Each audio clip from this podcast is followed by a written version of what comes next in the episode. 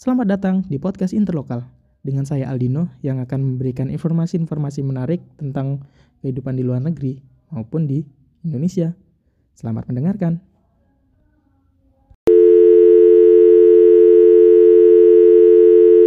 Ada nih kita sat, uh, satu narasumber yaitu teman saya yang dulunya satu kampus juga yang namanya Mbak Zulfa ini. Halo Mbak Zulfa. Halo, halo Dino, how are you? Ah, baik, baik banget, baik banget nih. Gimana Mbak Zulfa lagi ngapain nih di sana nih? Ya lagi habis sholat duhur.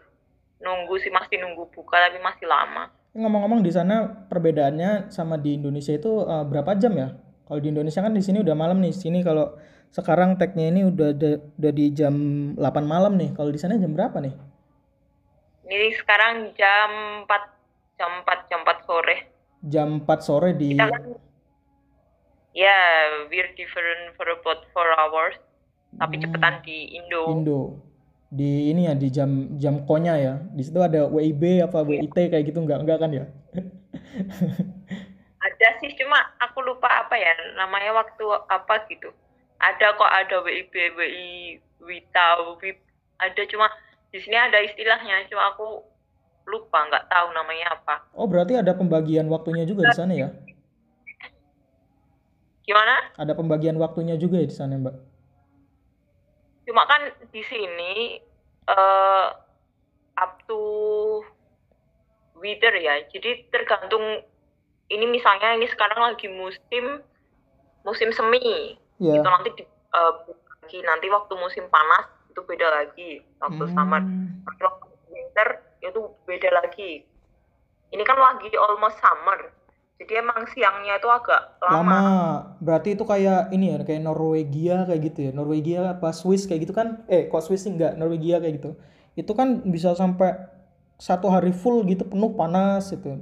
Malamnya cuma satu jam gitu. Tapi kalau di sana mungkin uh, pembagiannya kayak Ya. gitu ya, per season kayak gitu ya. Ini misalnya kayak ini puasa ya. Kalau kalau di Indonesia puasa berapa jam? 13 jam. Nih. Kalau di sini 17 jam. Waduh, kekeringan tuh, Pak. Cuma kan kekeringan. hawanya kan eh, agak dingin kebetulan. Oh. Ini sebenarnya udah masuk summer, cuma masih Masih dingin. lumayan dingin sekitar Hmm. 10 derajat. Kalau siang sekitar 17 derajat. Jadi nggak begitu bikin haus. Hmm. Apalagi ini ada corona. Iya, berarti di rumah aja nggak terasa. Jadi kalau pas corona-corona kayak gini kan biar na- nam- jadi nambah dingin gitu. Jarang orang keluar rumah ya. Di sana juga ya. Ja- jarang jarang di Wah. sini orangnya manut-manut gimana ya sebenarnya ada juga yang masih keluar rumah Hmm. cuma nggak serame itu ini aja aku udah almost two months at home jadi nggak tahu Hmm. keadaan luar mana Waduh, jadi kayak manusia, jadi kayak manusia gua gitu. Pe. Hah? jadi kayak manusia gua gitu, Pe. Gak pernah keluar rumah. iya nggak apa apalagi kan kita stay-nya kan kebanyakan orang kan stay-nya kan di apartemen jadi emang Iya. mereka at home jadi like it's not big problem for them for stay at home because usually they stay at home Hmm. jadi nggak terlalu Jadi masalah buat jadi kita. jadi kayak udah biasa kayak gitu ya, Pak.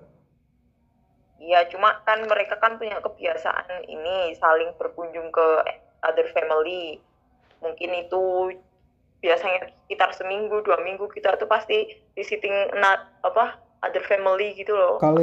Atau enggak kita yang dapet tamu Iya. tapi sekarang bener-bener almost tuman kita nggak dapet tamu kita pun nggak bertamu juga terus mereka tuh senang banget piknik apalagi kalau hawanya eh, enak gini kan Hmm. mereka tuh doyan banget piknik ke taman gitu sambil barbekyuan cuma sekarang kan lagi ada corona jadi waktu aku tanya ke eh, keluarga yang lain katanya Hai stres kita nggak bisa keluar nggak bisa piknik kayak gitu cuma kayak gitu sih Hmm, jadi ada sebenarnya ada tradisi juga ya em, untuk tiap minggunya apa beberapa minggu sekali itu pasti ada visiting keluarga kayak gitu Iya. di sana. Oke, apalagi oke, yang oke. punya anak kecil Oke. Ngomong-ngomong nih, Makanya. Ngomong-ngomong nih, Pak, eh, kan ini lagi musim pandemik nih, pandemi COVID-19 atau eh, coronavirus novel. Nah, kemarin itu sebenarnya aku juga baru baca nih dari koran Tempo. Uh, itu topiknya membahas tentang beda strat. Ada ini nih, ada kayak Turki itu kayak punya strategi sendiri sih ngelawan lockdown itu. Uh, Ah, tapi lockdownnya itu berdasarkan usia. Kayak gitu kayak mana Pak? ah ya jadi gini. Waktu itu kan sekitar tanggal berapa ya? 11 Maret atau aku di rumah aja sampai nggak tahu tanggal ini. Hmm, Waktu pertama kali kena itu kan sebenarnya agak terakhir ya. iya. Indonesia udah ada corona, di sini tuh belum ada corona. Hmm. Jadi kita tuh masih yang agak terakhir kena gitu. Iya Jadi dulu waktu kayak itu dulu ada dulu kayaknya pas waktu pas waktu eh, nanya kabar dirimu terakhir kayaknya di sana juga masih aman-aman aja ya, nyantai-nyantai aja ya. Iya, iya, jadi di sini terakhir gitu kenanya. Waktu itu 11 Ap eh 11 Maret, Januari, Februari, Maret. Iya Maret. 11 Maret kalau nggak salah, 11 Maret kalau nggak salah. Itu eh, satu orang yang ter apa yang terjangkit gara-gara dia habis dari Eropa. Eropa kan waktu itu kan udah banyak tuh. Iya bener tuh. Apalagi Eropa Terus dia- Timuran. Terus dia langsung dikarantina. Jadi setelah ada satu kasus di Turki, itu langsung kayak semi lockdown. Sekolah langsung diliburkan, semua pokoknya sekolah itu langsung diliburkan semua sekolah. Bahkan eh, anak mahasiswa anak mahasiswa pun juga apa eh, sekolahnya by online gitu loh. Hmm. Kayak gitu. Sama sih kayak Kamu Ju- bayangin aja Iya iya. baru satu yang kena itu udah langsung semi lockdown pemerintah sini sekolah langsung diliburkan segala macam Hmm, terus habis itu ini seingatku aja ya soalnya kan aku di rumah aja dan sampai males ngikutin berita karena berita itu cuma bikin stres aja gitu Kadang-kadang berita juga bikin paranoid ya. Bi- eh, kadang Iya, lebay kayak itu gitu. Coronavirus sudah bunuh beribu-ribu orang bla bla bla bla bla bla pokoknya gitu. Ada tuh, Iya. Pak, di Indonesia dulu pas waktu awal pas waktu awal-awal tuh ya, Pak. Di Indonesia itu ada ya reporter yang pakai apa? eh ini pakai masker, masih pakai masker yang untuk itu loh, Pak, untuk apa ngecat-ngecat kayak gitu. Kayak lebay banget gitu. ah Jadi makanya sekarang kan bisa sekarang kan tiap menit tiap saat itu di mana pun pasti berita tentang corona iya sih. everywhere. Iya benar. bahkan kamu buka HP pun kamu buka Instagram itu pasti all about corona. Buka TV about corona. Jadi itu kayak bikin apa sih kayak bikin stres sendiri gitu loh. Jadi di sini aku cuma di rumah aja sampai nggak tahu tanggal nggak tahu hari ya udah dilewatin kayak gini. Nah, kursusanku pun juga udah mulai libur semenjak satu yang terjangkit itu kan semua itu udah diliburkan termasuk kursusanku termasuk Hmm. kursus kursus bahasa Turki Oh, kursus. itu juga udah Kursusnya ya berarti di, di sini kan jadi di rumah nih sekarang nih kursusnya online-nya di, di uh, Iya. kursus online gitu. Iya, awal, awal-awal gurunya ngasih tugas, cuma sekarang kan enggak. Gitu, itu kursusannya gratis juga kok dari pemerintah. Oh, itu Enak kan? Di sini, berarti di gini. sini tuh serba gratis. Berarti gini Zulfa. Berarti uh, setelah Zulfa pindah di Turki itu apa? Les-lesannya itu, les-lesan bahasanya itu juga gratis. Dari ini itu pembiayaan Gratis. dari institusi Gratis pembiayaannya itu dari institusi mana sih? dari pemerintah. Jadi pemerintah itu buka beberapa kursus Iya. dan itu nggak cuma bahasa. Kamu bisa kursus jahit, bisa kursus tadarus, semuanya. Kamu bisa olahraga juga di situ, ada Hmm. pilates segala macam. Hmm. itu lengkap jadi eh, dan itu banyak di sini itu. Hmm. Oh, dan itu semua gratis. Misalnya aku pengen kursus bahasa Jerman itu ada. Kursus bahasa Cina ada. Semuanya ada. Semuanya ada dan ya. itu semua iya itu semua dari pemerintah. Kan yang sekarang kamu eh, ini aja ya. Ada eh, olahraga semacam fitness segala macam. Itu kan pasti alat olah alat olahraga kan mahal ya. Iya. dan di sini tuh kursus itu kan nggak cuma satu banyak dan Hmm. itu semua mereka punya loh dan itu semua punyanya pemerintah dan semua itu gratis tis tis tis nggak bayar sama sekali Berarti fasilitas jadi fasilitasnya itu dari Iya. pemerintah tuh bagus banget di sana ya. Kalau untuk uh, pemerataan Iya. pemerataan apa kesejahteraan masyarakatnya di sana gitu, khususnya ya untuk Iya. mungkin untuk uh, kayak Julpa ini nih yang Iya dari di sini kan orang di sini kan orang- banyak banyak cewek yang nggak kerja kan. Sini kan banyak ibu rumah tangga. Dan misalnya aku nih punya anak, kalau misalnya aku punya anak, terus aku kursus. Jadi di situ ada penitipan anak juga. Jadi aku bisa kursus, anakku bisa main sama temen yang lain gitu. Hmm, Enak banget. menarik menarik pak Ya. Tapi kalau yang untuk anak itu ada ada kayak bayar sedikit lah. Soalnya kan apa kayak anak main itu kan iya iya. Ada medianya itu kan nggak gimana ya kayak berbayar tapi cuma kayak seikhlasnya atau gimana gitu. Kayak daycare Nggak untuk anak-anak gitu ya? Iya misalnya seminggu kamu bayar cuma berapa puluh ribu cuma gitu-gitu aja. Hmm. nggak yang sampai beratus-ratus enggak yang kayak gitu. Oh iya. Oh iya. ah we- kita balik ngomongin balik corona balik lagi lagi ya. balik balik lagi aja nih. Balik Iya. lagi ke pandemik nih ya khususnya ini jadi tadi strateginya pemerintah sini awalnya tuh langsung yang kayak ngeliburin sekolah-sekolah Mm. Jadi yang kan adik, eh, eh, adik suamiku kan sekolahnya kan di eh, di Isparta. Isparta itu sekitar 4 jam dari kotaku. Aku kan di Konya. iya Itu dia langsung pulang. Waktu itu waktu pemerintah ngumumin sekolah libur, itu di tiket-tiket segala macam itu langsung cepet habis. Oh, orang udah rame banget kayak gitu. Udah kayak panik, ya udah kayak panik-panik gitu loh orang. iya sebenarnya Itu nggak kebagian tiket. nyari sama Pertama juga sih ada kak keadaannya nyari sama juga Iya. sih kayak di Indonesia di Indonesia juga kayak gitu sebelum sebelum terus pandemiknya kayak gini sebelum sebelum pandemiknya Ya. pandemik yang benar-benar apa menyebar kayak gini dulu itu juga kayak gitu Iya. juga kayak di sini apalagi di bagian Jakarta Iya, itu iya. kan orang-orang orang-orang yang harusnya dulunya mau pulang tapi nunggu tuh nunggu nunggu apa? Ada yang nunggu kontraknya kelar dulu bagaimana terus pada akhirnya Iya. mereka nggak bisa pulang. Ya ini kan kita ada nih salah satu teman kita yang sekarang di nggak salah satu banyak teman kita yang ada di Jakarta sekarang kena lockdown di di Jakarta jadi kena PSBB di Jakarta nggak bisa pulang. Tapi pemerintah katanya sih eh, pulang kampung boleh katanya ya seingatku sih pulang kampung boleh tapi nggak boleh mudik kayak gitu. Nggak tahu bedanya kayak mana. Sampai sekarang itu kita definisiin pulang kampung sama mudik itu jadi bingung sendiri gitu. Dan kemarin itu kemarin itu Pak sebenarnya Indonesia juga dipas- difasilitasin sama presiden loh. Hmm, Apa untuk pemberdayaan pemberdayaan pemudanya. Kan itu ada tuh eh, kartu prakerja nah kemarin itu kebetulan iya. kebetulan eh, pendaftarannya udah dimulai. Tapi nih sayang sekali pak. Itu itu kuotanya membludak jadi em, beberapa jam setelah pembukaan dimulai itu udah blank. Udah nggak ada udah nggak bisa didaftar lagi. Ada yang bisa tapi bisanya cuma qualified tok. Tapi nanti setelah itu eh, gagal kayak gitu. Gara-gara kuotanya udah full. It- dan lain-lain. Itu nantinya mereka ngapain? Setelah apply terus nah mereka setelah bakal ngapain? itu setelah apply itu ada tahapan-tahapannya. Jadi setelah apply nanti eh, ada uang insentif untuk per bulan. Terus habis itu ada eh, kursus juga. Entah itu kursusnya apa nanti kan terserah. BLK dong.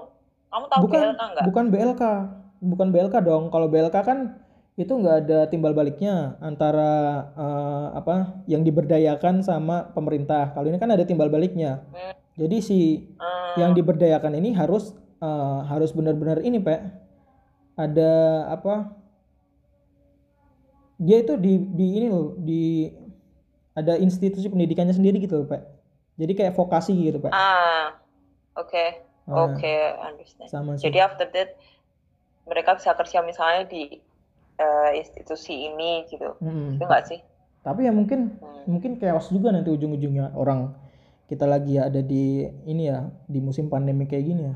Nah pak ngomong-ngomong ini balik lagi aja nih. Eh, kita aku- kayaknya aku kita kayaknya belum udah melebar kamu Oh. tanya strategi aku belum selesai. Oh iya iya iya iya. Sorry sorry. Iya gimana gimana jadi kan gimana awalnya awalnya emang sekolah diliburkan. Ah, terus and then by the time eh, semua by the time ini urutannya gimana aku lupa cuma eh, semakin meningkatnya kasus, Hmm. jadi pemerintah tuh kayak ambil langkah gitu loh. Hmm. Habis itu setelah sekolah diliburkan, se- eh, eh, terus kayak tempat-tempat publik ditutup, kayak taman, mall, terus semua tempat publik, ka- kafe, warung makan, semua ditutup. Semua harus tutup. Jadi biar nggak ada orang nongkrong. Terus habis itu eh, dibatasi. Pertama yang umur 60 ke atas, Hmm. 65 ke atas, nggak boleh keluar rumah sama sekali Iya. kalau keluar bakal kalau ketahuan bisa kena denda. Pertama yang umur 65. Terus kasus semakin meningkat. Akhirnya sekit yang umur sekitar 20-an itu eh, nggak boleh keluar karena mereka kan berpotensi sebagai karier kan. Iya, Makanya karirnya, karir. mungkin jadi mereka eh, nggak boleh keluar. Jadi mahasiswa itu eh, sebelum lockdown pun mahasiswa-mahasiswa itu mereka yang emang udah stay di asrama aja. Kan di sini kan ada beberapa eh, Indonesian stu- eh, student kan di sini. Iya. Banyak Indonesian students di sini. Itu mereka udah cuma stay di asrama aja itu udah berapa sebelum lockdown pun mereka udah stay. Terus habis itu Hmm. eh, kasus makin meningkat, terus perjalanan ke luar kota nggak boleh. Eh, terus penerbangan benar-benar nggak ada penerbangan kecuali tanpa izin. Penerbangan itu udah ditutup, semua akses ditutup. Padahal kayak kita gitu. dulu, padahal kita dulu udah janjian ya. udah Ah, janjian pengen ketemu di sana. Sebelum Turki kena, itu kan Iran itu udah banyak banget yang kena kan. Iya. Iran. Padahal Iran tuh panas banget loh katanya corona tuh nggak bisa bertahan di udara yang panas. Tapi Iran itu kan gurun yang panas banget. Itu pun kasusnya meningkat banget sampai mereka tuh ada yang katanya alkohol bisa membunuh corona. Akhirnya mereka minum banyak alkohol itu orang Iran. Oh itu Terus? it- itu hoak-hoak minggu pertama pandemik tuh Ya, Pak. ya. Terus habis itu itu semenjak eh, itu pun waktu Iran banyak yang kena corona itu pemerintah sini udah nutup akses antara Turki Iran tuh udah ditutup. Hmm. kayak gitu. Padahal ini waktu itu belum ada yang kena baru Iran. Oh Iran udah kena gitu. Terus eh, akses antara Turki Iran tuh udah bener-bener ditutup kayak gitu. Jadi biar nggak ada yang lari ke sini atau gimana gitu. Hmm. aku bukannya gimana-gimana ya. Cuma senangnya sama pemerintah sini. Mereka tuh termasuk sigap gitu loh. Dan gerak cepat gitu. Baru ada yang satu aja mereka udah langsung semi lockdown segala macam udah nyiapin tempat karantina udah yang kayak gitu. Terus yang pulang dari umroh ah semenjak banyak yang pulang dari umroh itu itu mereka langsung di karantina itu langsung eh, kasusnya lumayan sedikit meningkat gitu. Kayak banyak meningkat gitu waktu yang pada umroh datang. Itu mereka langsung di karantina kayak gitu. Terus dan semuanya itu gratis di sini. Waktu itu ada aku dengar salah satu cerita cuma nggak tahu. Iya. itu ada yang kayak eh, dia demam segala macam terus telepon kan. Telepon ambulan terus dijemput terus langsung dites. Eh, selang berapa hari sekitar tiga harian mungkin. Dua hari atau tiga hari tes eh, hasil tesnya keluar ternyata negatif. Terus langsung dipulangin lagi ke rumah. Jadi Hmm. emang kamu tuh bener bener bener bener mereka tuh bener-bener take care of you well gitu loh. Bener-bener kamu diperhatikan dari kamu dijemput kamu diperiksa terus ternyata negatif kamu dipulangin ke rumah lagi. Kamu diantar ke rumah lagi loh bukannya oh kamu negatif sana pulang. Bukan yang kayak gitu. Iya, tapi iya. mereka langsung tetap diantar pulang. Kayak gitu. Jadi dan itu semua gratis loh. Sama sih itu semua gratis. Sama sama sih sebenarnya kalau Hmm. untuk strateginya. Permasalahannya ya, permasalahannya nih Pak. Mungkin kalau di Turki ini kan orangnya disiplin-disiplin nih. Kalau di Indonesia kan orangnya kepala keras kepala semua nih Pak. Eh, apalagi eh, apalagi itu eh, sih orang-orang kayak kita nih. Orang-orang yang di sekitaran ya so-called Solo sekitar ya. Kita kita Iya. apa ban- bandingin Solo sekitar aja. Kalau Solo sekitar kayak gitu kan orang-orang di sini masih mikirnya gini.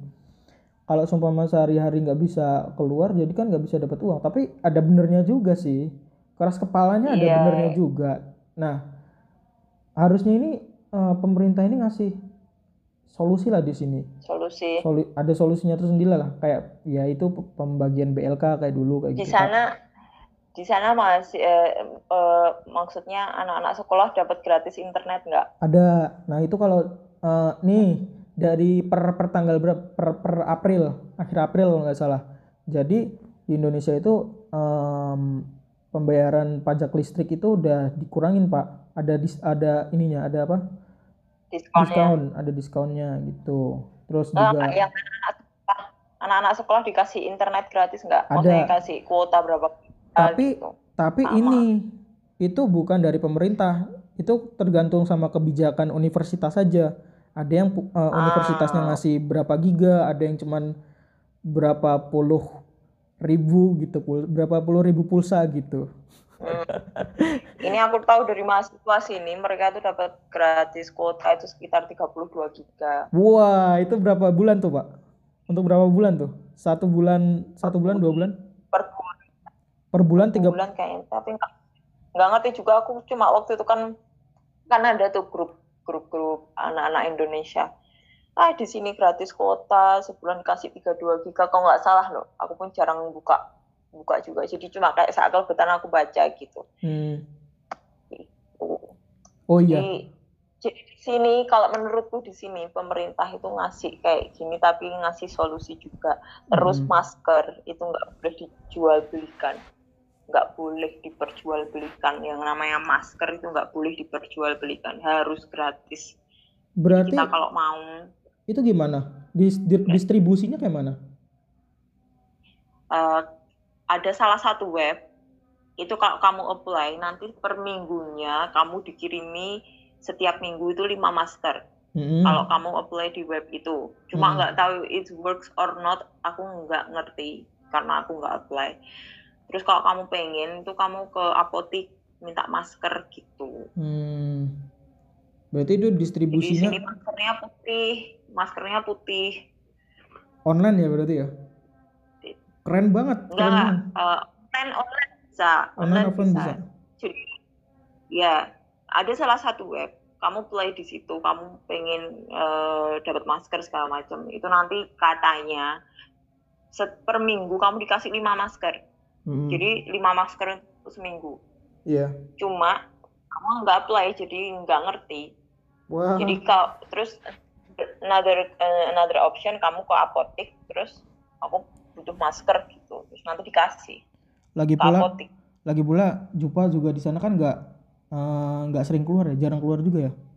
Katanya kan di sana kayak aku paling ke market ke Hmm. market ke market deket rumah doang itu pun kadang dilarang kan sama suamiku jadi Hmm. suamiku yang belanja udah di cowok rumah, sini belanja udah ibu cowok rumahan sini banget nih. belanja gimana Jadi ibu rumahan banget nih sekarang. dulu iya dulu bisa ke mana-mana sekarang ibu rumahan nih. iya bener sekarang kan kayak udah dulu sebelum ada corona itu kalau di rumah aja seminggu bisa seminggu cuma di rumah aja itu yang kayak udah stres gitu sekarang gara-gara corona gimana gimana mau keluar yang kayak udah pasrah gitu loh Hmm. keluar pun nggak ada apa-apa terus yang biasanya pusat-pusat rame itu sekarang juga udah sepi banget di sini kan ada salah satu aplikasi city apli- aplikasi jadi n- nama kotaku kan Konya kan Iya. misalnya kota Konya gitu aplikasinya. Jadi kamu bisa mantau di situ jalanan-jalanan jalanan-jalanan di seluruh Konya kamu bisa mantau dari HP-mu. Hmm. Dan itu waktu aku lihat itu bener-bener yang kayak sepi gitu. Orang tuh keluar kalau cuma ada butuhnya aja. sama kayak Google ah, terus tadi sama kayak Google Map iya ya. aku lupa. Google Map Iya, juga kan ada Tadi aku lupa. gimana? Sekarang itu setelah tadi strategi-strateginya pemerintah kayak gitu, sekarang itu ada lockdown. Tapi lockdownnya itu every weekend. Nggak tahu disebut lockdown apa enggak ya. Cuma lockdownnya itu cuma every weekend. Jadi setiap Sabtu Minggu itu ditutup. Nggak boleh Hmm. ke mana-mana. Jadi jalanan itu bener-bener sepi banget. Itu berarti bukan gitu jadi bukan pembatasan ya, Every- bukan pembatasan sementara ya. Berarti itu udah benar-benar lockdown, bukan bukan sampai lockdown lagi berarti. Itu udah lockdown lockdown Iya, permanen sekarang untuk per daerah. Kayak gitu. Iya, iya. Iya, terus aku kan sempat kemarin tuh ke rumahnya eh tante yang dekat rumahku Hmm. karena aku butuh kan. yang biasanya itu apartemennya itu kan biasanya ada security-nya. Hmm. Itu udah nggak ada security-nya lagi, mungkin disuruh pulang atau gimana gitu. Ya, Kayak oh iya gitu. Pak. Ngomong-ngomong nih, dulu kan eh, sebelum pandemi kan ikut kursus bahasa bahasa Turki nih ya. Kan dulu Hmm, dulu iya. pernah kayaknya dulu pernah cerita tentang em, apa kalau di jalan tuh diliatin orang gitu karena perawakan kita kan perawakan yang perawakan yang ya tahu sendirilah putihnya Iya, putih Asia. putih Kita langsat Asia banget gitu. Asian face lah. Nah, Iya. Jadi gimana nih gini, kalau di Jadi masa gini. pandemik ini gimana? gini. eh, kalau di kotaku ini kan emang jarang turis. Mm, Kalau di kota lain nggak ngerti ya, kayak yang kalau Istanbul, Istanbul. mesti banyak ASEAN lah. Cuma kalau di Konya ini kan emang jarang turis. Iya. Waktu sebelum mereka itu ramah, orang sini itu ramah. Mereka tuh kalau lihat orang asing itu mereka seneng kayak kita lah. Aku waktu itu aja beberapa kali, eh dari mana banyak banget yang tanya. Orang sini pasti banyak banget yang tanya. Dari mana? Di sini jalan-jalan kayak kita lah. Kalau aku ketemu bule gitu waktu langsung di Indonesia langsung itu mister kan. mister foto foto bisa. gitu. kalau orang kayak Indonesia kayak gitu. Cuma diajak ngobrol pasti. Mereka Iya. pasti penasaran ini dari mana kayak gitu. Kak, dari Cina kah? Dari Jepang? Pasti dikiranya kayak gitu. tapi biasa Terus? biasanya dicap Cina Iya, kulit kulit kita kan sipit. Nah, Cina mah putih, aku nggak putih ya. Putih Cuma kan mereka kan nggak notice dari warna kulit ya. Mereka Iya. tuh notisnya dari wajah sama dari bentuk mata. mata otomatis Dari Cina gitu. Bukan dari Indonesia. Indonesia itu mana? Deket Cina. kayak gitu. Bukan. jauh banget Terus iya masih jauh. Terus habis itu gimana sih? Kayak gitu sebelum corona ramah-ramah, mereka tuh ramah, ramah banget. Terus semenjak adanya corona mungkin karena banyaknya berita yang keluar, terus banyak orang yang ngomongin tentang corona juga, Hmm. corona corona corona ini benar-benar jadi yang kayak nomor satu gitu di mana-mana. Itu beberapa orang cuma aku aku sih gimana ya? Waktu itu kan udah aku terakhir keluar rumah itu 15 Maret waduh udah berapa udah rumah bulan udah berapa bulan tuh? Maret April Mei udah Iya. dua bulanan ya? Iya. Terakhir keluar rumah main sama suamiku. Itu 15 Maret. Jadi semenjak itu aku cuma ke market aja. Waktu itu waktu aku masih berkeliaran sebelum tanggal 15 Maret itu aku masih berkeliaran di luar itu kan corona udah spread here. Itu eh corona corona kayak gitu. Nah, waktu itu kan aku tanya orang kan ini kalau mau ke sana bisnya apa? Gitu. Terus mungkin mereka juga panic reaction segala macam. Hmm. bisik-bisik gitu. Terus mereka pergi. Cuma mungkin akunya yang suuzon ya kak. Mungkin akunya yang sensitif. Mungkin mungkin akunya yang sensitif. Actually actually mereka nggak ngomongin oh ini corona. Sebenarnya Enggak, mungkin mereka nggak gitu. ngomongin kayak gitu. Cuma aku cuma ngerasa aja. Karena kita punya sayangnya mereka punya mekanisme defensif Hmm. sendiri ya jadi kayak iya. ngelihat kanan kiri kayak Iya. gitu jadi tingling gitu. Terus akhirnya oh enggak nggak tahu nggak tahu. Terus mereka pergi. Ya udah sih. Tapi aku denger dari cerita anak lain kayak anak Malaysia Heeh. kayak gitu tuh. Heeh. mereka ke market ke market ke market kayak gitu. Eh corona corona kayak gitu. Terus orang pada jaga jarak gitu. Terus akhirnya ini anak kan jadi nggak nyaman kan di iya market. iyalah. Akhirnya langsung cepet pergi kayak gitu. Itu awal-awal awal-awal waktu corona masih baru di sini. Ada juga itu anak mahasiswa Indonesia yang di market juga digituin juga sama Mm-mm. eh, sama persis kayak gitu. Tapi cuma sekarang waktu, gimana? waktu aku keluar rumah waktu aku keluar rumah itu eh, dari mana? Tetap ditanyain kan. Dari Indonesia. Di sini baru kah? Enggak. Oh iya pantes kan penerbangan udah ditutup. Nggak mungkin kalau kamu baru di sini. Jadi mereka udah kayak yang udah mulai bisa udah biasa. Jadi menurutku the first itu adalah panic reaction reactionnya mereka. Dan itu is so normal gitu. As a human is so normal gitu. Waktu eh, berita corona di mana-mana. Terus ini ada orang asing Hmm. yang di berita-berita itu katanya corona dari Cina. Dan mereka pasti orang yang gimana ya cuma asal asal Iya. nerima berita gitu. Pasti mereka mikir Cina corona gitu. Langsung pukul. Makanya oh ini, ya ini the face looking like Chinese. Ini kayak kayak orang Cina nih. Ini pasti bawa corona gitu. Itu pokoknya waktu awal-awal. pokoknya yang matanya mungkin agak sipit apa per- perawakan Iya. atau mukanya kayak orang Cina itu langsung dicap uh, Iya. carrier corona kayak gitu berarti ini tapi orang tapi sekarang udah enggak orang tapi sekarang, sekarang udah enggak enggak mereka udah mereka udah mikir lah ini pasti Hmm. stay di sini pasti udah, Udah lama. lama. orang penerbangan Iya, udah iya. ditutup gitu by the time mereka pasti edukasinya nambah kan karena waktu Benar-benar. awal-awal kan mereka cuma tahu sebatas corona bahaya corona dari Cina cuma sebatas itu. Tapi by the time otomatis mereka berkembang segala macam. Jadi mereka lebih open minded tentang corona kalau menurutku. Tapi di sana lebih cepat lebih cepat introspeksi dirinya ya. Jadi kalau ngelihat berita itu mungkin pada awalnya kemakan kemakan berita, tapi nanti eh, setelah berjalannya waktu ya tetap aja mereka lebih observatif juga, nggak kayak di Indonesia. Kalau di Indonesia udah eh, kalau udah satu em, apa satu perbuatan salah itu pasti udah jadi stereo- stereotip jelek tuh. Jadi nggak sebenarnya gimana ya? Eh hmm, I'm not sure about that tuh. Sebenarnya orang sini tuh juga yang kayak kan hoax di mana-mana. Mm-mm, dan orang kan nggak setiap orang tuh gimana ya? Punya oh, pemikiran ini bener ini enggak yang luas kayak gitu. bahkan Maksudnya, aku pun bahkan bahkan aku pun pasti juga bisa kena hoax juga Mm-mm. gitu jadi ini mungkin karena gimana ya? Di sini tuh emang banyak berita setiap berita itu diupdate. Ini corona gimana gimana itu diupdate. Jadi mungkin lebih teredukasi. Mungkin Mungkin, mungkin, mungkin, ya, mungkin. mungkin mungkin. Karena di sini informasinya emang lengkap gitu. Sebelum corona pun aku tuh sempat ke dokter gigi. Waktu sini belum ada corona. Waktu aku ke dokter gigi itu udah ada udah ada pengetahuan tentang corona. Kayak gitu. Itu padahal bulan belum ada bulan corona berapa di tuh? sini loh. Bulan berapa tuh? Kira-kira Januari gitu ya? Soalnya kan Januari itu kayak Kayak, kayak corona itu masih disepelein lah di dunia. Sini kan masih agak eh, terakhir. Iya. waktu itu bulan apa aku lupa. Sini baru ada Maret. Lupa waktu itu bulan apa lupa. Aku udah aku waktu itu ke rumah sakit.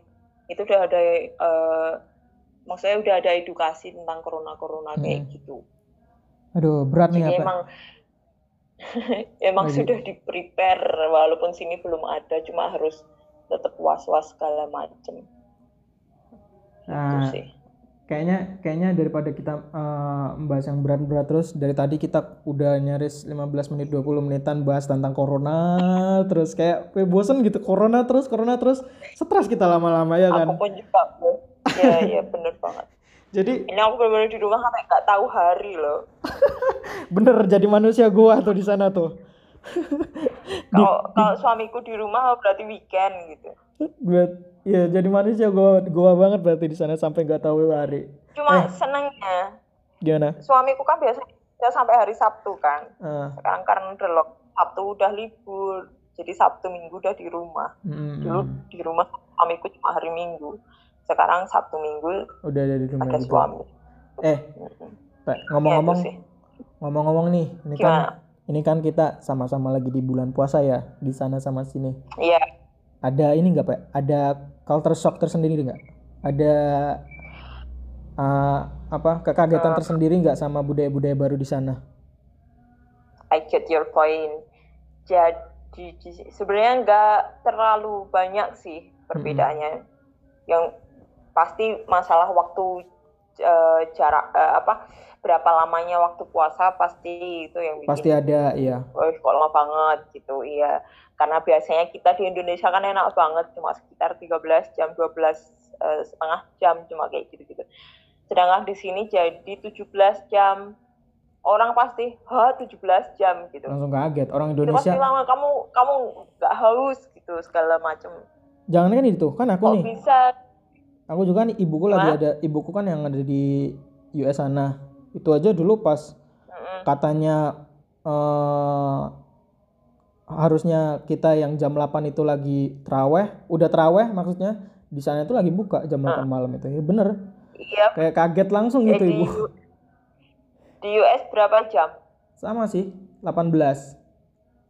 18, 18. enggak enggak. Kalau Kalau Eropa kan Eropa kan 18 19 jam. Eropa Hmm. lebih lama lagi. Mm-mm. Sini kan Tapi- almost Eropa, sini kan setengah Eropa. Tapi setengah kan di Asia, jadi neg- tiap neg- eh, tiap negara bagian kan beda kalau di US juga mungkin ya. Soalnya kan iya. Nah, itu kan berdasarkan kayak apa? penurunan mataharinya gitu di, di mana gitu. Nah, ini Iya. Pak, ngomong-ngomong Iya, ngomong-ngomong puasa lagi nih ya.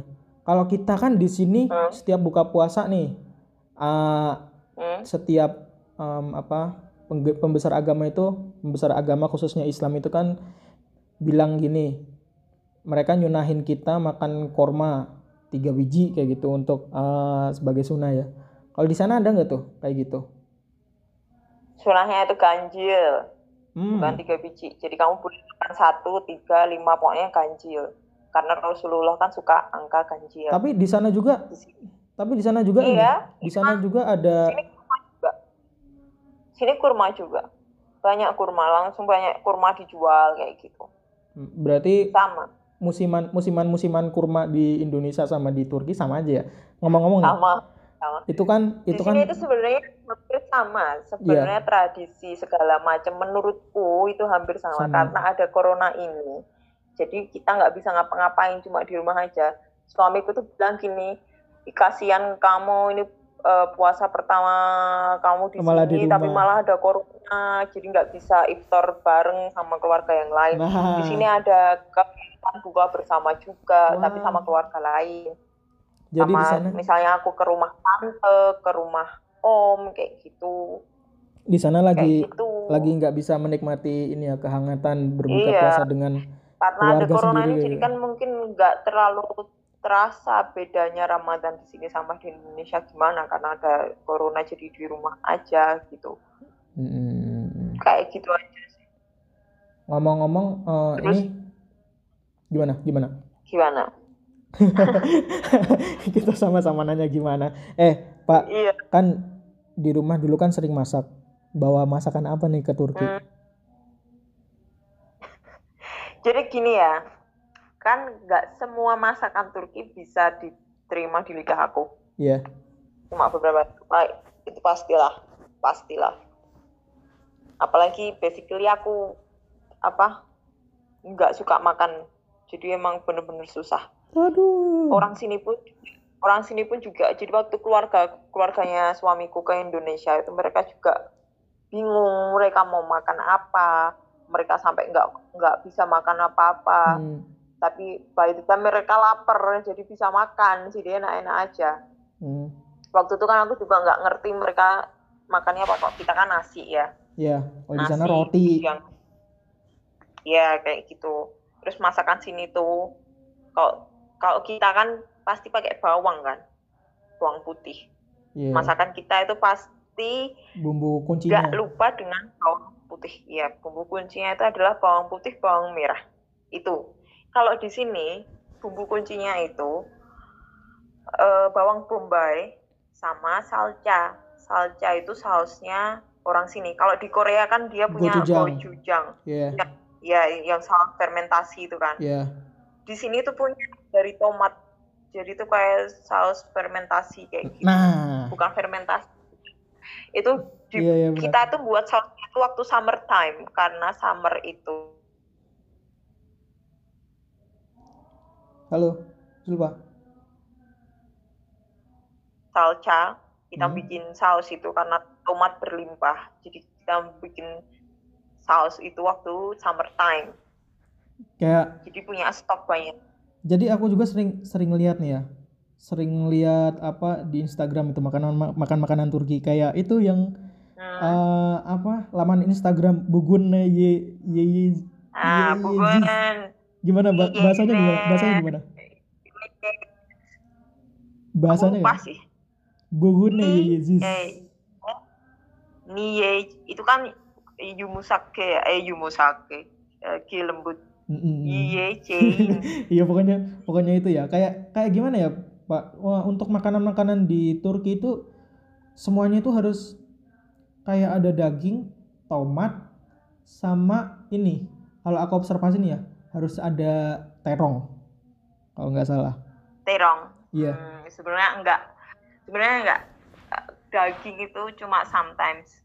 Emang daging mereka suka daging. Mm. Cuma yang terpenting tomat. Tomat. Karena salsa itu kan dari tomat kan. Iya. Saus tomat Iya itu. iya. Pokoknya tomat itu. Jadi jadi kamu kalau jadi aku ya, kamu tuh mikir masakan yang bisa aku makan. Kan pengen nih makan bareng-bareng. Hmm. Jadi aku tuh selalu thinking of ini eh, jenis masakan apa yang bisa diterima di lidah aku dan eh, diterima lidah mereka gitu. Berarti dirimu juga di sana Selalu mikir di sana juga kalau lagi pengen masak gitu mikir apa nih masakan yang bakal bisa dikombinasin sama tomat kayak gitu apa yang Iya. bukan dikombinasin bukan sama yang kayak gitu juga.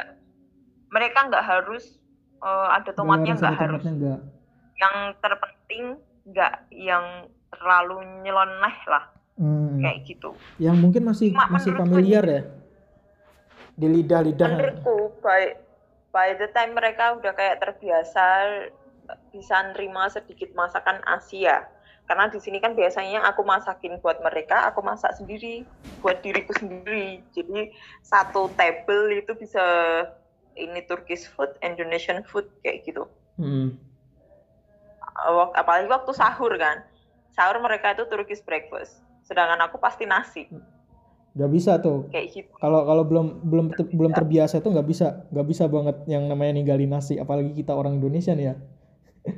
Ya tapi aku pun kalau males kalau males kalau males aku baru makan roti atau law, lawas. Lawas itu kayak tortilla. Jadi Mhm. sebelum puasa aku tuh sama ibu mertua bikin tortilla banyak banget. Hmm, jadi itu emang puasa kayak tortilla gitu loh. Kayak kayak kamu kalau beli kebab kalau kayak ini. beli kebab di Indonesia kayak apa? ya dosa itu dosa itu. Kulit kulit kebab itu loh. Iya iya iya tahu tahu. Kayak Mariam gitu ya? Kalau di Indonesia ya bukan Mariam Mariam kan Manis. lebih yang gimana ya kamu kamu kalau beli kebab iya kayak kulit kebab ya kayak kayak itu berarti kayak dosa Ya, gitu itu. makanan makanan India dosa kayak itu tau gak Iya, iya. Kayak gitu, di, gitu. eh, di kan punya canai, namanya Hmm. kan ya canai ya ya kan. kayak canai canai Dan ya semacam tortilla kayak gitulah. Mm-mm. Kayak gitu kita ambil kita kita buat berapa berapa kilo. Jadi bapak mertua beli satu karung apa? gandum Mm-mm. itu terus Dibuat dibikin kayak bareng-bareng. gitulah buat stok puasa. Iya, buat bikin stok puasa. Jadi mereka makanan makannya itu selama puasa. Kalau pas ke sahur, cuma waktu iftar, waktu buka, Buka puasa, puasa itu beda. kayak ya kayak dinner time, kayak dinner food, apa dinner kayak makanan dinner gitulah Iya, biasa. iya, proper proper gitu ya kalau untuk uh, sahur kan kayak ganjel aja aku mungkin masih bisa soalnya uh, setelah itu bisa ditinggal tidur apa kayak mana kalau buka kan nggak harus makanan berat gitu Hmm, nah pak kalau buka pasti kurma. aku punya pertanyaan terakhir nih Gimana? dulu itu kan sebelum dirimu nikah sama suamimu Hmm, kita kan pernah Iya. makan bareng nih di satu apa satu kedai Ah, di Solo Juicy ya. Itu. Nah, si Musa itu kan kayak takut gitu kalau makan ikan. Kenapa sih, Pak? Kok bisa takut kayak gitu makan ikan di sana? Gini, ini sebenarnya gimana ya? Mereka tuh makan ikan, Mm-mm. cuma yang normal ikan, normal ikan. Kamu tahu nggak normal ikan itu gimana? Yang Gimana tuh? normal. Gimana? Standar Ikan standar normal ikan kayak mana tuh? Kamu ikan kayak ikan tuna, ikan salmon yang kayak gitu-gitu. Iya. Mereka tuh nggak makan yang bentuknya aneh-aneh, kayak cumi, udang, kerang, kepiting. Nah, itu mereka kayak Ih, kayak Loh, disgusting gitu. Bukannya bukannya kerang itu ada ada nih katanya sih katanya nih ya ada Iya. ada makanan yang paling disedengin di Istanbul itu katanya kerang tuh. itu kan karena mereka punya laut kan Mm-mm. di sini kan jauh dari laut di sini kan jauh dari laut jadi di Turki itu ada yang punya laut, ada yang nggak punya laut, ada yang punya gunung, ada yang punya gunung. Enggak enggak berarti gitu, kayak berarti gitu. enggak berarti enggak bisa dipukul sama rata ya semuanya itu kayak enggak enggak seneng ikan kayak itu Iya. enggak ya. Berarti cuman per Iya. wilayah tok aja di sana. Per, per wilayah Iya. aja. Cuma aku nggak ngerti juga ini ini cuma di antara keluarga sini aja ya.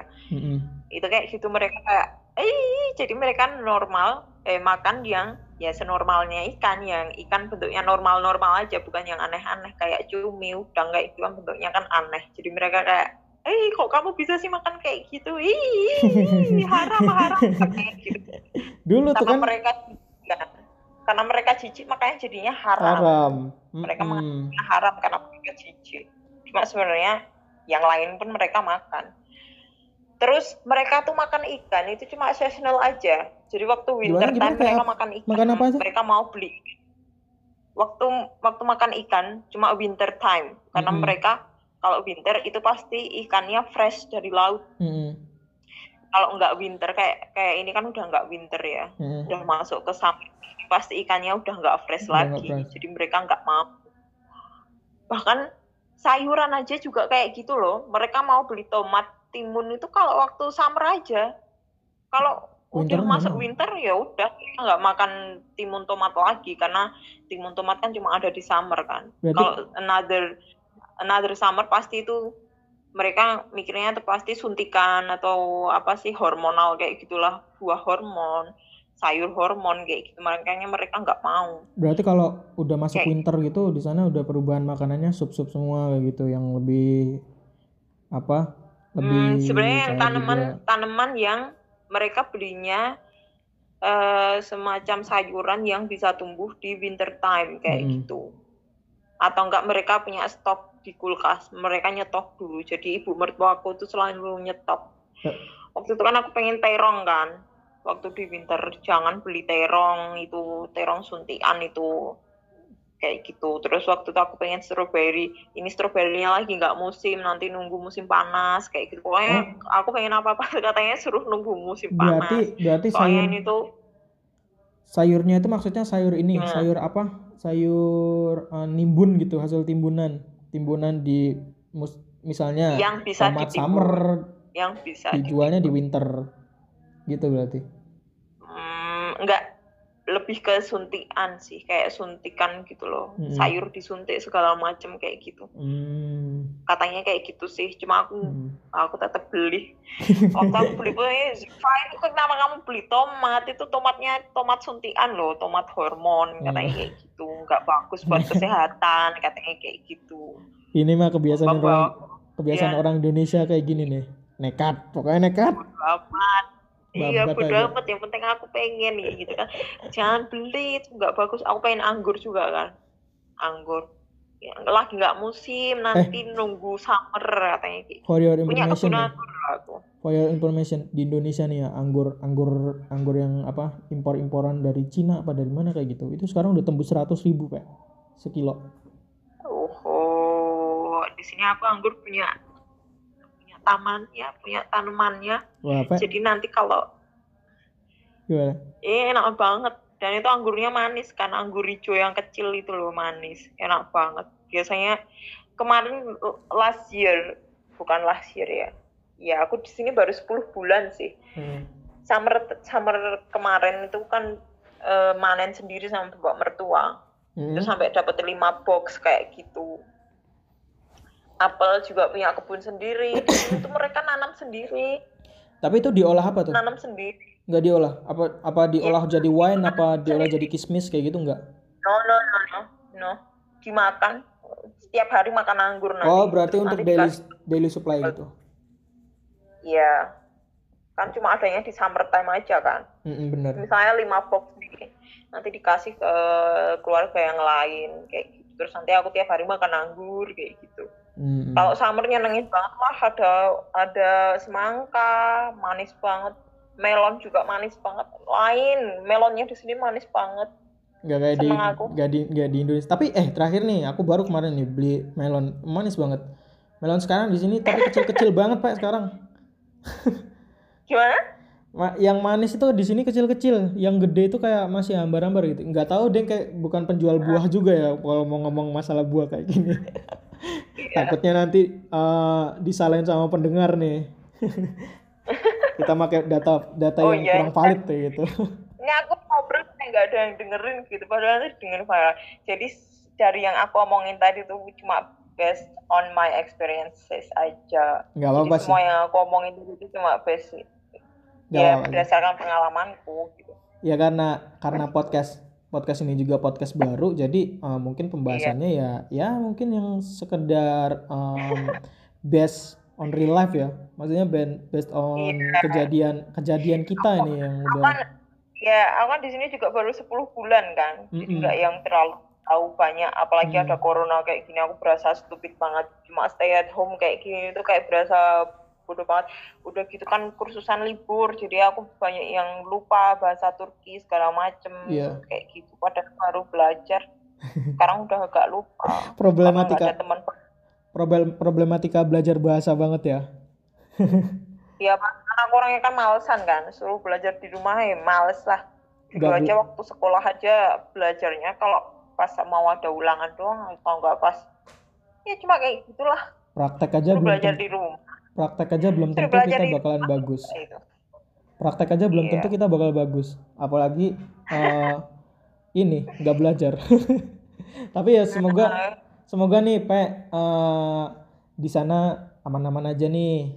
Terus juga Iya. apa untuk ke depannya semoga keluarga di sana masih sejahtera aman lah. Ya Pe ya. amin Apalagi nah nih kamu tahu nggak di sini Gimana? di sini coronanya kasusnya udah meningkat dan semakin parah dan kamu tahu nggak peringkatnya nomor berapa peringkat nomor tujuh Oh iya, aku belum- terbanyak di dunia aku belum riset nih. Iya, pertama pertama kan Amerika kan. Itu Mm-mm. aku juga terakhir lihat. Pertama Amerika terus kedua mana itu aku lupa juga. Ya Turki itu nomor 7. Jadi karena di sini kan banyak banget yang dites kan. Jadi ketahuan. Iya iya iya. Sini tuh dan di sini tuh pasti diupdate tiap harinya. Sama Per sih. tanggal ini, Sama. per jam ini berapa berapa kayak gitu. Sama di Indonesia juga gitu. Dan mungkin ada bagus For us like ada bagusnya juga sih Da- tadi dari insight yang Jupa kasih tadi kayak ya untuk strateginya dari pemerintah sana untuk membatasi eh, membatasi berskala ya maksudnya dari ya, bukan berskala deng Iya. ada beberapa fase yang pertama mungkin dari pembatasan umur yang dari anak kecil sampai ya untuk eh, yang kepala dua sampai yang sekarang ini benar-benar di lockdown kayak gitu. Sebenarnya ada bagusnya juga ya. Bagus banget malahan. Dan sebenarnya aku tuh mikir kayak gini loh. Di Indonesia itu kan eh, penduduknya kan lebih banyak daripada sini. Jadi aku mikir itu pemerintah pasti lebih pusing ngatur iya karena benar. kan lebih banyak orang kan lebih susah Lebih diatur. susah sedangkan sini kan penduduknya gitu banyak. Kita dan mereka Indonesia used to at home. Mereka kan tinggalnya kan di apartemen. Kayak gitu kan. Mereka nggak biasa nonggo nggak punya tradisi duduk di emperan rumah gibah sama tetangga nggak yang kayak gitu. Jadi emang lebih gampang diatur. Jadi karena juga mereka kan hidupnya kan kita kan hidupnya kan ditumpuk Iya. jadi satu. Kita kan kayak eh, gitu masyarakat Sedangkan sosial kalau kita. aja bayangin aja di Indonesia. Kita rumah-rumah kayak gitu. Bahkan setiap hari pintu dibuka. Kalau di sana gimana tuh? Mau buka mau buka apartemen yang masuk maling pak? Nah makanya itu. Sedangkan kita kan setiap hari pintu rumah dibuka. Iya udah biasa oh ya. butuh gula. Butuh gula ke warungnya mbak ini. Beli gula. Itik itik itik keluar rumah. Itik, itik. gula. Terus eh lapar eh lapar itik itik ke wedangan ke wedangan deket rumah. Sedangkan Iya. sini kan nggak ada ada. kayak gitu. Mau ke mana di sana juga paling Jadi kalau mau keluar mau keluar ya paling ke Delhi atau ke apa eh ya supermarket Cuma- terdekat gitu. Ke- itu pun market ya. Biasanya tuh cowok yang ke market. Jadi saya beli roti. Beli roti itu biasanya yang beli roti itu bapak mertuaku kayak gitu. Lo ada Jadi bagus? mereka para, wanita itu memang biasanya mereka tuh cuma stay at home aja. Bahkan nggak ada corona pun kita udah used to stay at home. Jadi kayaknya emang buat orang sini nggak yang terlalu susah. Cuma aku jadi mikir yang di Indonesia itu pasti susah, Susah banget, karena banget. mereka karena pintu kita itu terbuka hampir 24 24 jam. jam. Dan itu aku pun waktu di kalau ini pun aku di Solo itu pasti aku juga bingung sendiri gitu bingung sendiri ya. Udah biasa udah biasa Iya, ke mana-mana ibaratnya kalau aku juga Iya. sendiri kalau aku sendiri nih kalau setiap malam itu biasanya diajak anak-anak ngehe lah nge apa ngerestoran tiga Ah, huruf itu kewedangan. mana kewedangan sekarang udah aku kangen jalan ke Wedangan aku Ya. kangen nasi kucing ya gi- gini aja lah pe kayaknya udah kita udah ngobrol ke ini udah berapa nih. lama ini kita ngobrol nih? Waduh coba bentar. Waduh ini kayaknya udah 50-an menit nih. Udah udah 50 menit. Oh. udah nyari satu jam nih kita ngobrol. Semoga ada pendengar yang gak bosan ya. Semoga ada ada, pendengar. yang dengerin mau banyak Loh, kita kita kita ini eh, punya banyak insight loh, banyak banyak apa pengetahuan baru. Ya, contoh tadi kita habis bahas tentang pandemi kayak gitu, terus bahas eh, kultural kultural kita ini seputar orang-orang yang em, lagi pindah ke Turki gitu. Karena kan ada masih baru sini. tapi kan lumayan Pak, udah Aku kan- 10 udah 10 bulan Aku tuh udah kan lama loh. Ke Indonesia. 10 bulan iya tuh nggak kerasa tahu-tahu udah 10 bulan Iya kan? aku pengen banget makan makanan Indonesia aku kangen soto udah 10 bulan eh tempe sumpah tempe Tadi- ya tadi Allah, jujur aku kira- tempe. Aku kira dirimu di sana itu bawa bawa makanan Indonesia gitu. Maksudnya eh, membiasakan membiasakan suamimu di sana masakan-masakan Indonesia gitu. No. Ternyata enggak. Ternyata malah kita malah orang Indonesia di sana untuk masalah masak-masak itu kayak mas- malah lebih adaptif gitu ya. Keren nih. aku kan aku kan chefnya di rumah kan makanya aku yang selalu mikir ini masakan apa yang bisa diterima antara dua lidah gitu loh Iya, iya. kayak gitu Jadi sebenarnya jadi Maaf, orang tempe. jadi orang Indonesia ini ada bagusnya ada buruknya. Ada buruknya keras kepala, ada bagusnya ya itu kita lebih adaptif lah. Di mana pun di mana pun kita bisa lebih adaptif. Iya. Eh tapi keras kepala ada baiknya juga loh. Gimana, kan gimana, kita coba? Berpendirian. Keras kepala itu kan berarti dia punya pendirian yang teguh. Oh, iya Iya iya iya iya iya iya. iya. Ya, keras kepala, ngeyel. Berarti kan ya kamu punya pendapat sendiri. At Hmm. least itu baguslah kamu bisa mempunyai pemikiranmu sendiri. Tapi Walaupun diimbangin sama Keras. open mind open minded ya. Enggak keras kepala Iya. aja nanti jatuhnya apalagi kalau jatuhnya apalagi nanti kalau ini. kamu tinggal di lingkungan baru kayak gini, you should be too much open minded. Mm-mm. You should kalau enggak bakal kamu nggak bakal Loh. bisa bertahan. Jadi orang songong nanti kalau nggak kayak gitu. Iya You kan? should be open minded karena nggak mudah untuk pindah di sini. Maksudnya pindah kita keluar dari comfort zone itu kan sesuatu Susah, yang susah, enggak susah. Susah namanya banget. keluar dari comfort zone. Iya. Itu susah. Next time we can talk about this. Oke. Um, Mm. I'll wait. sampai sampai jumpa di podcast selanjutnya aja, Pak. Ya enggak? Sampai jumpa di Amin, pembahasan amin. pembahasan podcast selanjutnya. Call me, okay. Oke, oke. You can call me next time for about next Thank you. if you want. Thank you banget loh Pak udah bisa Oke. diajak ngobrol sampai satu jaman kayak gini. Nanti takutnya eh, Oke. udah lama nelpon kayak gini Sumusa di belakang bawa pisau deh. Dia kan nggak tahu podcast apa ya. Dia nggak tahu podcast apa. Podcast itu apa? Podcast itu apa? Kamu bisa jelasin ke aku. Ya pokoknya podcast itu kayak gini. Ini game. Dia lagi ngegame. Kalau weekend kan ngegame. Yeah. Thank you Pak By the way, untuk informasi. suamiku coy. Gimana? Musa itu nama suamiku dari dia dari tadi nama Musa disebut-sebut tapi maybe eh, pendengar nggak tahu siapa Oh iya, oh iya, sorry sorry Musa- banget, sorry banget, sorry banget aku lupa. Tapi Musa itu nama Iya. suamiku. iya iya.